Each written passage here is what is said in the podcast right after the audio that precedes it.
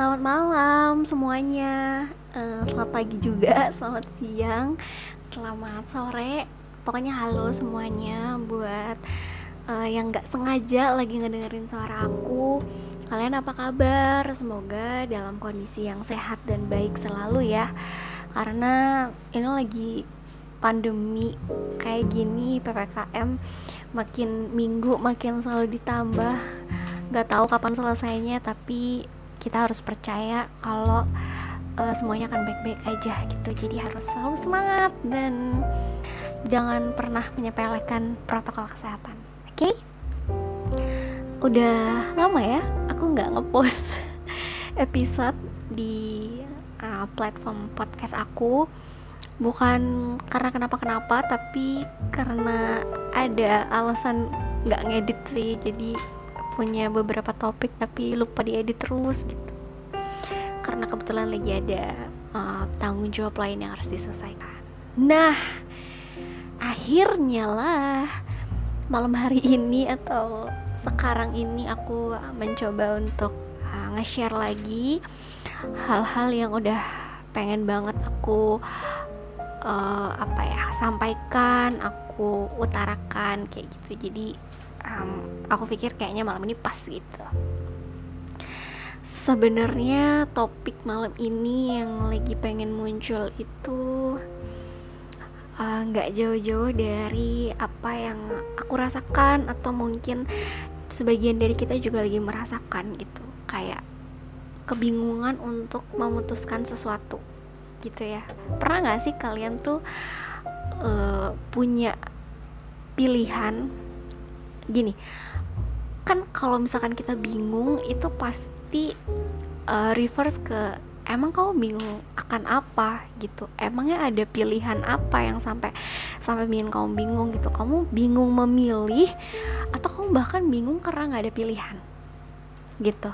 Ya nggak sih? Kalau misalkan bingung tuh pasti harusnya bingung memilih atau bingung nggak ada pilihan. Kalau kita bingung untuk memilih at least ada dua hal kan yang akan yang akan uh, enggak sorry at least ada satu hal yang akan kita dapatkan dari dua hal yang ada. Ya gak sih? Kalau ada pilihan A sama B kita bingung mau milih yang mana. Pasti kita akan dapat salah satu di antaranya kan? Antara A nya atau antara B nya gitu kan? Tapi bisa juga sih sebenarnya antara A sama B terus kita nggak dapat dua-duanya gitu tapi kan ada dua pilihan. Masa nggak mau ngambil satu? Kayak gitu. Nah terus gimana kalau misalkan ternyata bingung karena nggak ada pilihan? Nggak ada A dan nggak ada B. Gimana? Nah yang sekarang sebenarnya yang sedang aku hmm, apa ya alami atau yang aku rasakan berawal dari aku tuh punya pilihan gitu untuk memilih dua eh satu di antara dua yang sekiranya oke okay buat aku misalkan gitu. Ini ini dalam hal apa pun ya bukan bukan cuman dalam memilih barang memilih kesempatan memilih hmm, apa gitu. Pokoknya memilih lah intinya gitu. Aku selalu merasa aku aku punya pilihan untuk memilih salah satu gitu tapi nggak tahu kenapa aku tuh selalu berujung pada hal yang aku bingung memilih di antara kedua itu. Karena muncul ketakutan gitu. Kayak uh, nanti kalau aku ngambil A bisa-bisa nanti aku begini begini begini begini begini. Tapi kalau aku ngambil B ujungnya malah begitu begitu begitu begitu belibet sampai tapi kalau aku nggak ambil begua begua sampai kalau aku nggak ngambil dua-duanya ntar malah begonok. Gitu. Tapi aku nggak bisa ngambil dua-duanya. Kayak gitu. Ngerti nggak? Terus ada lagi misalkan kayak gini. Aku udah dapat B nih. Terus aku kedatangan A. Gitu. Yang pengen aku ambil karena aku nggak suka sama yang B terus tiba-tiba aku kepikiran atau ada muncul perasaan kayak ya lo jangan ngambil A cuma gara-gara lo nggak suka sama B dong.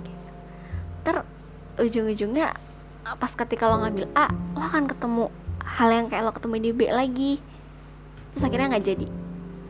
Terus akhirnya tiba-tiba ada banyak kejadian gitu yang semakin menguatkan rasa penyesalan lo nggak ngambil A ngerti gak sih? Maksudnya awalnya lo tuh ikhlas banget untuk merelakan si A.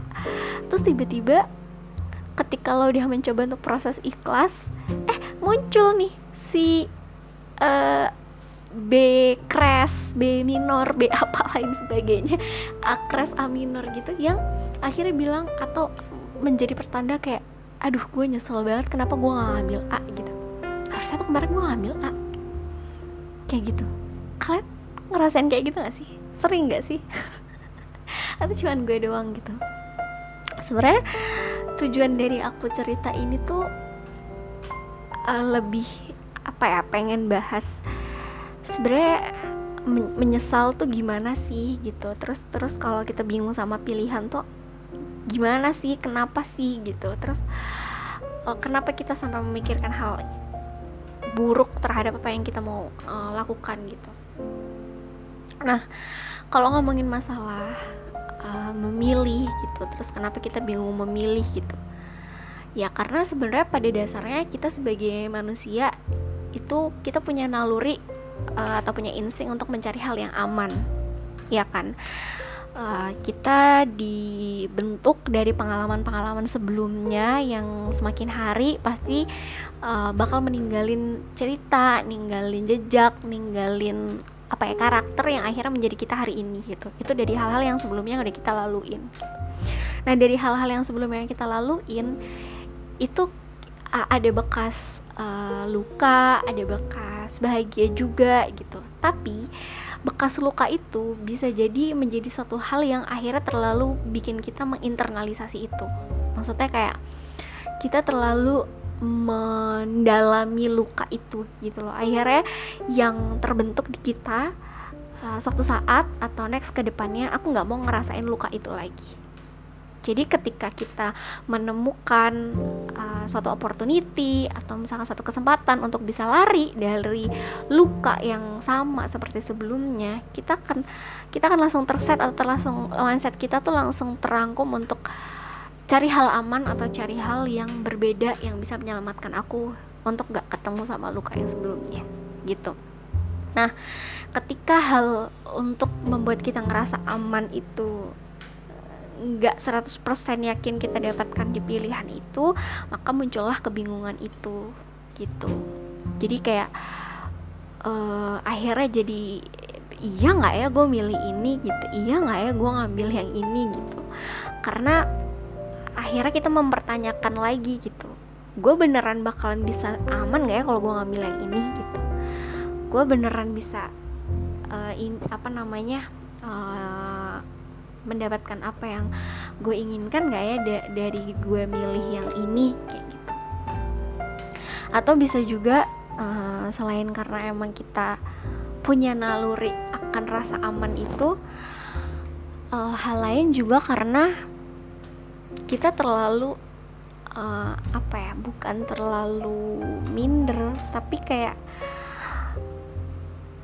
terlalu me uh, mengamini distorsi kognitif. Maksudnya tuh gini segala hal yang kita pikirkan dalam otak kita itu kan sebenarnya uh, adalah imajinasi atau bayangan yang kita buat sendiri gitu kan yang bisa jadi ya itu pengaruh dari pengalaman juga pengaruh dari apa yang kita rasakan sekarang kayak gitu. Dan balik lagi keinginan untuk mencari rasa aman itu gitu.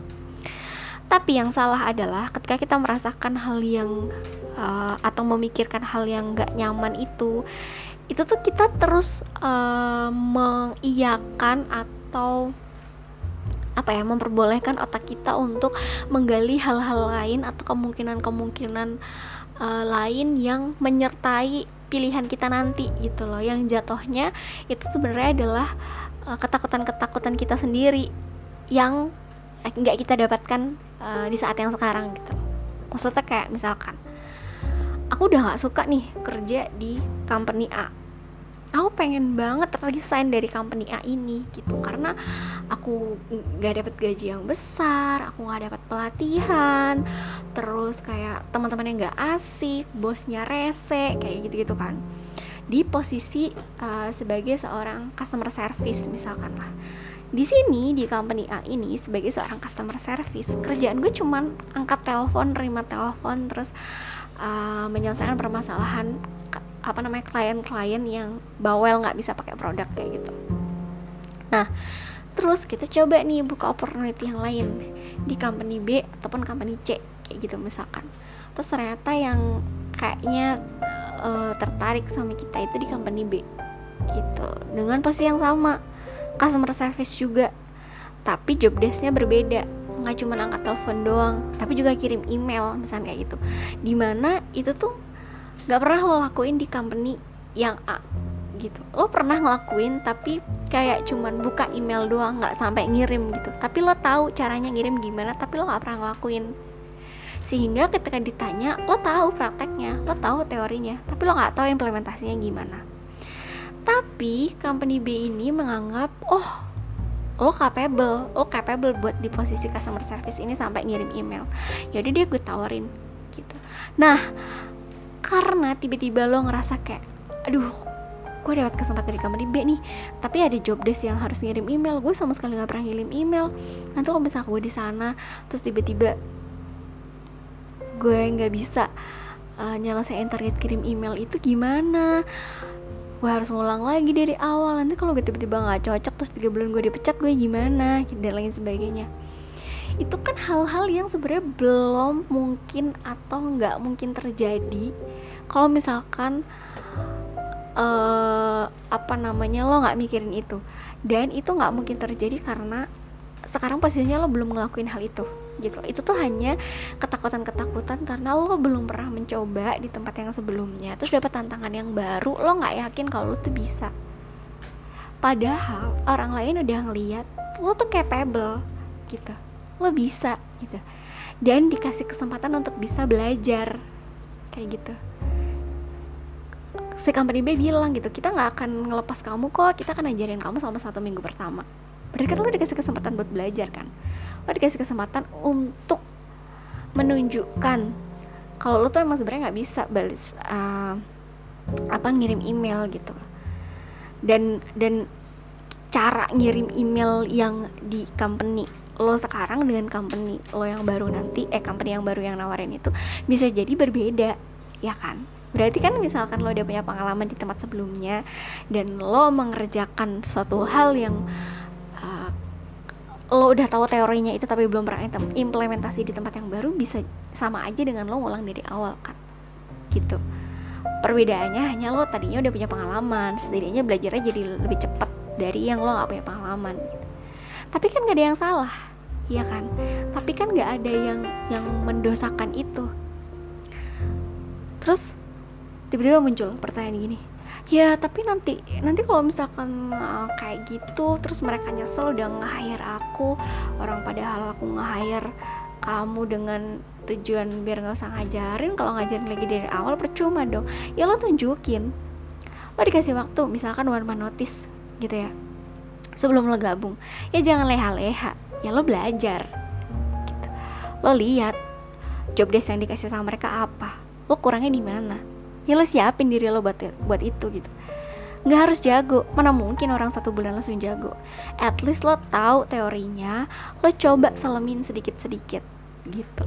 Lo gali di tempat lo yang sekarang gitu. istilahnya kayak lo mempersiapkan peluru gitu ya di senjata lo yang baru buat ke medan perang yang baru gitu. Tapi peluru-peluru lo yang lama itu tuh disimpan jadi backup kayak gitu. Buat apa? Supaya nanti pas lo di medan perang yang baru ketika peluru baru lo yang lo siapin sama satu bulan itu nggak mempan lo bisa outstanding atau lo bisa ngebunuh lawan itu pakai peluru-peluru lo yang lama. Peluru yang baru lo cari lagi pas di medan perang yang baru. Lo gali lagi di sana pasti lo dapet. Dari tim-tim lo dari rekan-rekan lo setim ya kan dari rekan-rekan lo di luar tim atau lain-lain sebagainya. Lo pasti dapet gitu. Gitu di masa-masa lo belajar nanti. Aku bisa bisa ngomong kayak gini tuh karena aku sering menyesal sebenarnya. Aku sering aku sering aku sering punya pilihan aku sering menyesal aku sering nggak yakin dengan pilihan aku sendiri dan aku sering uh, mendapatkan pikiran-pikiran atau distorsi-distorsi kognitif kayak gitu kayak duh iya nggak ya? Duh bisa nggak ya? Duh oke okay nggak ya? Gitu. Itu itu aku sering banget gitu. Bahkan sampai hari ini aku masih kayak gitu. Kenapa kok bisa kayak gitu gitu? Apakah karena aku nggak punya life of purpose yang bagus? Aku nggak punya setting goals yang bagus dan lain sebagainya. Setuju kalau uh, purpose of life atau life of purpose. Itu kita harus punya dan uh, apa namanya setting goals jangka panjang jangka pendek itu juga kita harus punya. Tapi bukan berarti ketika kita punya itu semua terus kita terbebas dari hal-hal kayak gitu. Pasti akan ketemu gitu. Tapi setidaknya kalau punya hal yang kita tuju kan kita jadi lebih fokus ya nggak melencong kanan nggak melencong kiri. Kalau ada badai itu kayak kita kokoh nggak gue maunya ini gitu. Jadi nggak nggak gampang goyah gitu. Kalau lo nggak punya pegangan ya lo jadi keseret ke sana seret ke sini gitu kan. Akhirnya gampang termanipulasi gitu. Nah itu soal pilihan menyesal gitu. Terus menyesal salah nggak gitu? Maksudnya kayak kenapa sih harus menyesal gitu? Ya udah gitu lo ikhlas aja gitu. Ketika lo ikhlas lo pasti nanti akan diganti dengan hal yang baru kok yang lebih baik lagi kok. Setuju gitu. Tapi uh, jangan sampai rasa menyesal yang lo alamin atau tiba-tiba menyesal yang yang menerka kamu itu akhirnya lo denial dengan hal itu gitu. Maksudnya ketika lo berada di tahap lo menyesal banget sama keputusan lo yang udah lo lakuin ya udah terima. Kayak gitu. Karena menurut aku menyesal itu nggak salah gitu. Karena dari menyesal kita akhirnya punya pilihan lagi gitu. Pilihan untuk uh, bisa berjalan lebih baik lagi karena akhirnya kita tahu yang kita lakuin kemarin itu salah atau benar atau ya kita akan jadi seperti ini aja gitu. Dengan menganggap bahwa penyesalan yang kita lakukan itu benar.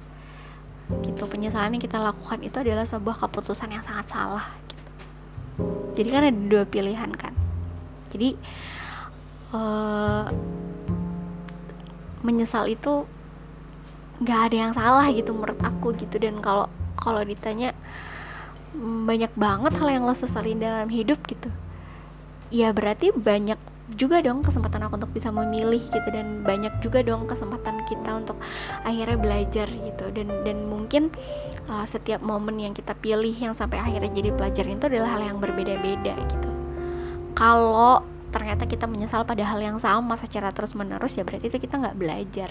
Selama ini kita hanya menggunakan emosi kita aja untuk uh, menyelesaikan masalah itu yang akhirnya selalu jadi penyesalan terus gitu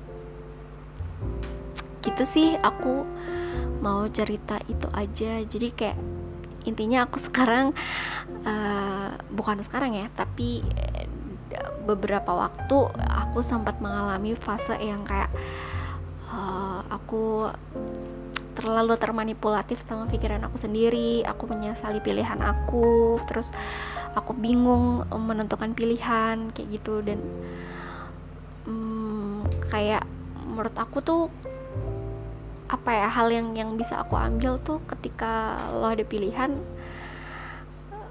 jangan pernah ngambil keputusan pada saat itu juga.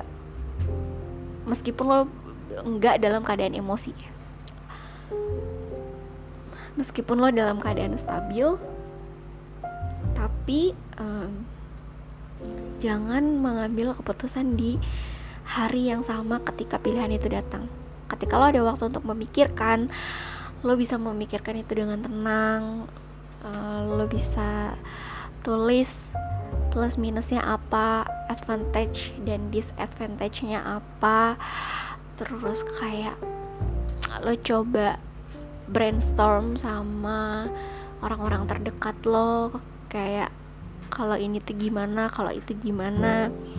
Tapi tetap ya ketika lo melakukan peer judgment misalkan gitu ya atau expert judgment gitu terhadap pilihan lo lo harus tetap punya satu pegangan yang lo lo pilih gitu. Jadi mm, bisa nggak nggak bikin nanti lo ngelebar ke mana-mana sama pilihan lo lo udah tahu gitu. Peer judgment sama expert judgment itu hanya uh, mengumpulkan atau ngebantu lo untuk memperkuat reason mana yang mau dipilih gitu. Tapi in the end lo yang punya pilihan untuk menentukan itu. Dan yang pasti jangan pernah ngerasa bersalah atas keputusan yang udah lo ambil gitu. Karena uh, ngerasa bersalah itu hanya akan membuat lo semakin kecil semakin apa ya semakin ngerasa kalau ya ternyata gue emang nggak bisa apa-apa. Ternyata gue emang bodoh akhirnya gue memutuskan hal yang salah. Gitu loh semakin menguat hal-hal negatif itu gitu loh. Tapi ketika lo menyesal oh ya udah oke okay, ini udah jadi keputusan gue konsekuensinya A B C D E E A B C D E F dan gue harus mengetahui itu. Jadi harusnya nextnya sebelum lo memutuskan sesuatu lo harus periksa dulu konsekuensinya dan lo harus menyiapkan plan A B C sampai Z yang harus lo lakukan. Apa? Untuk uh, mengganti pilihan yang lo pilih itu. Kayak gitu. Ya jadi semangat ya semuanya. Dalam kondisi apa pun saat ini kalian baik fisik ataupun mental harus harus selalu dijaga uh, kalian gak sendiri di dunia ini even kalau ternyata kalian sendiri banget kalian masih punya diri kalian dan Tuhan jadi please manfaatkan diri kalian dan Tuhan untuk bisa saling berkomunikasi peluk ke diri kalian uh, ucapkan terima kasih sama diri kalian, ucapkan minta maaf sama diri kalian dan yakin kalau hari besok selalu ada jalan, selalu ada cahaya yang mengikuti kalian. Gitu. Terima kasih ya manusia-manusia hebat dan manusia-manusia kuat. Uh, semoga kalian selalu dalam kondisi baik-baik aja. Bye bye, selamat malam.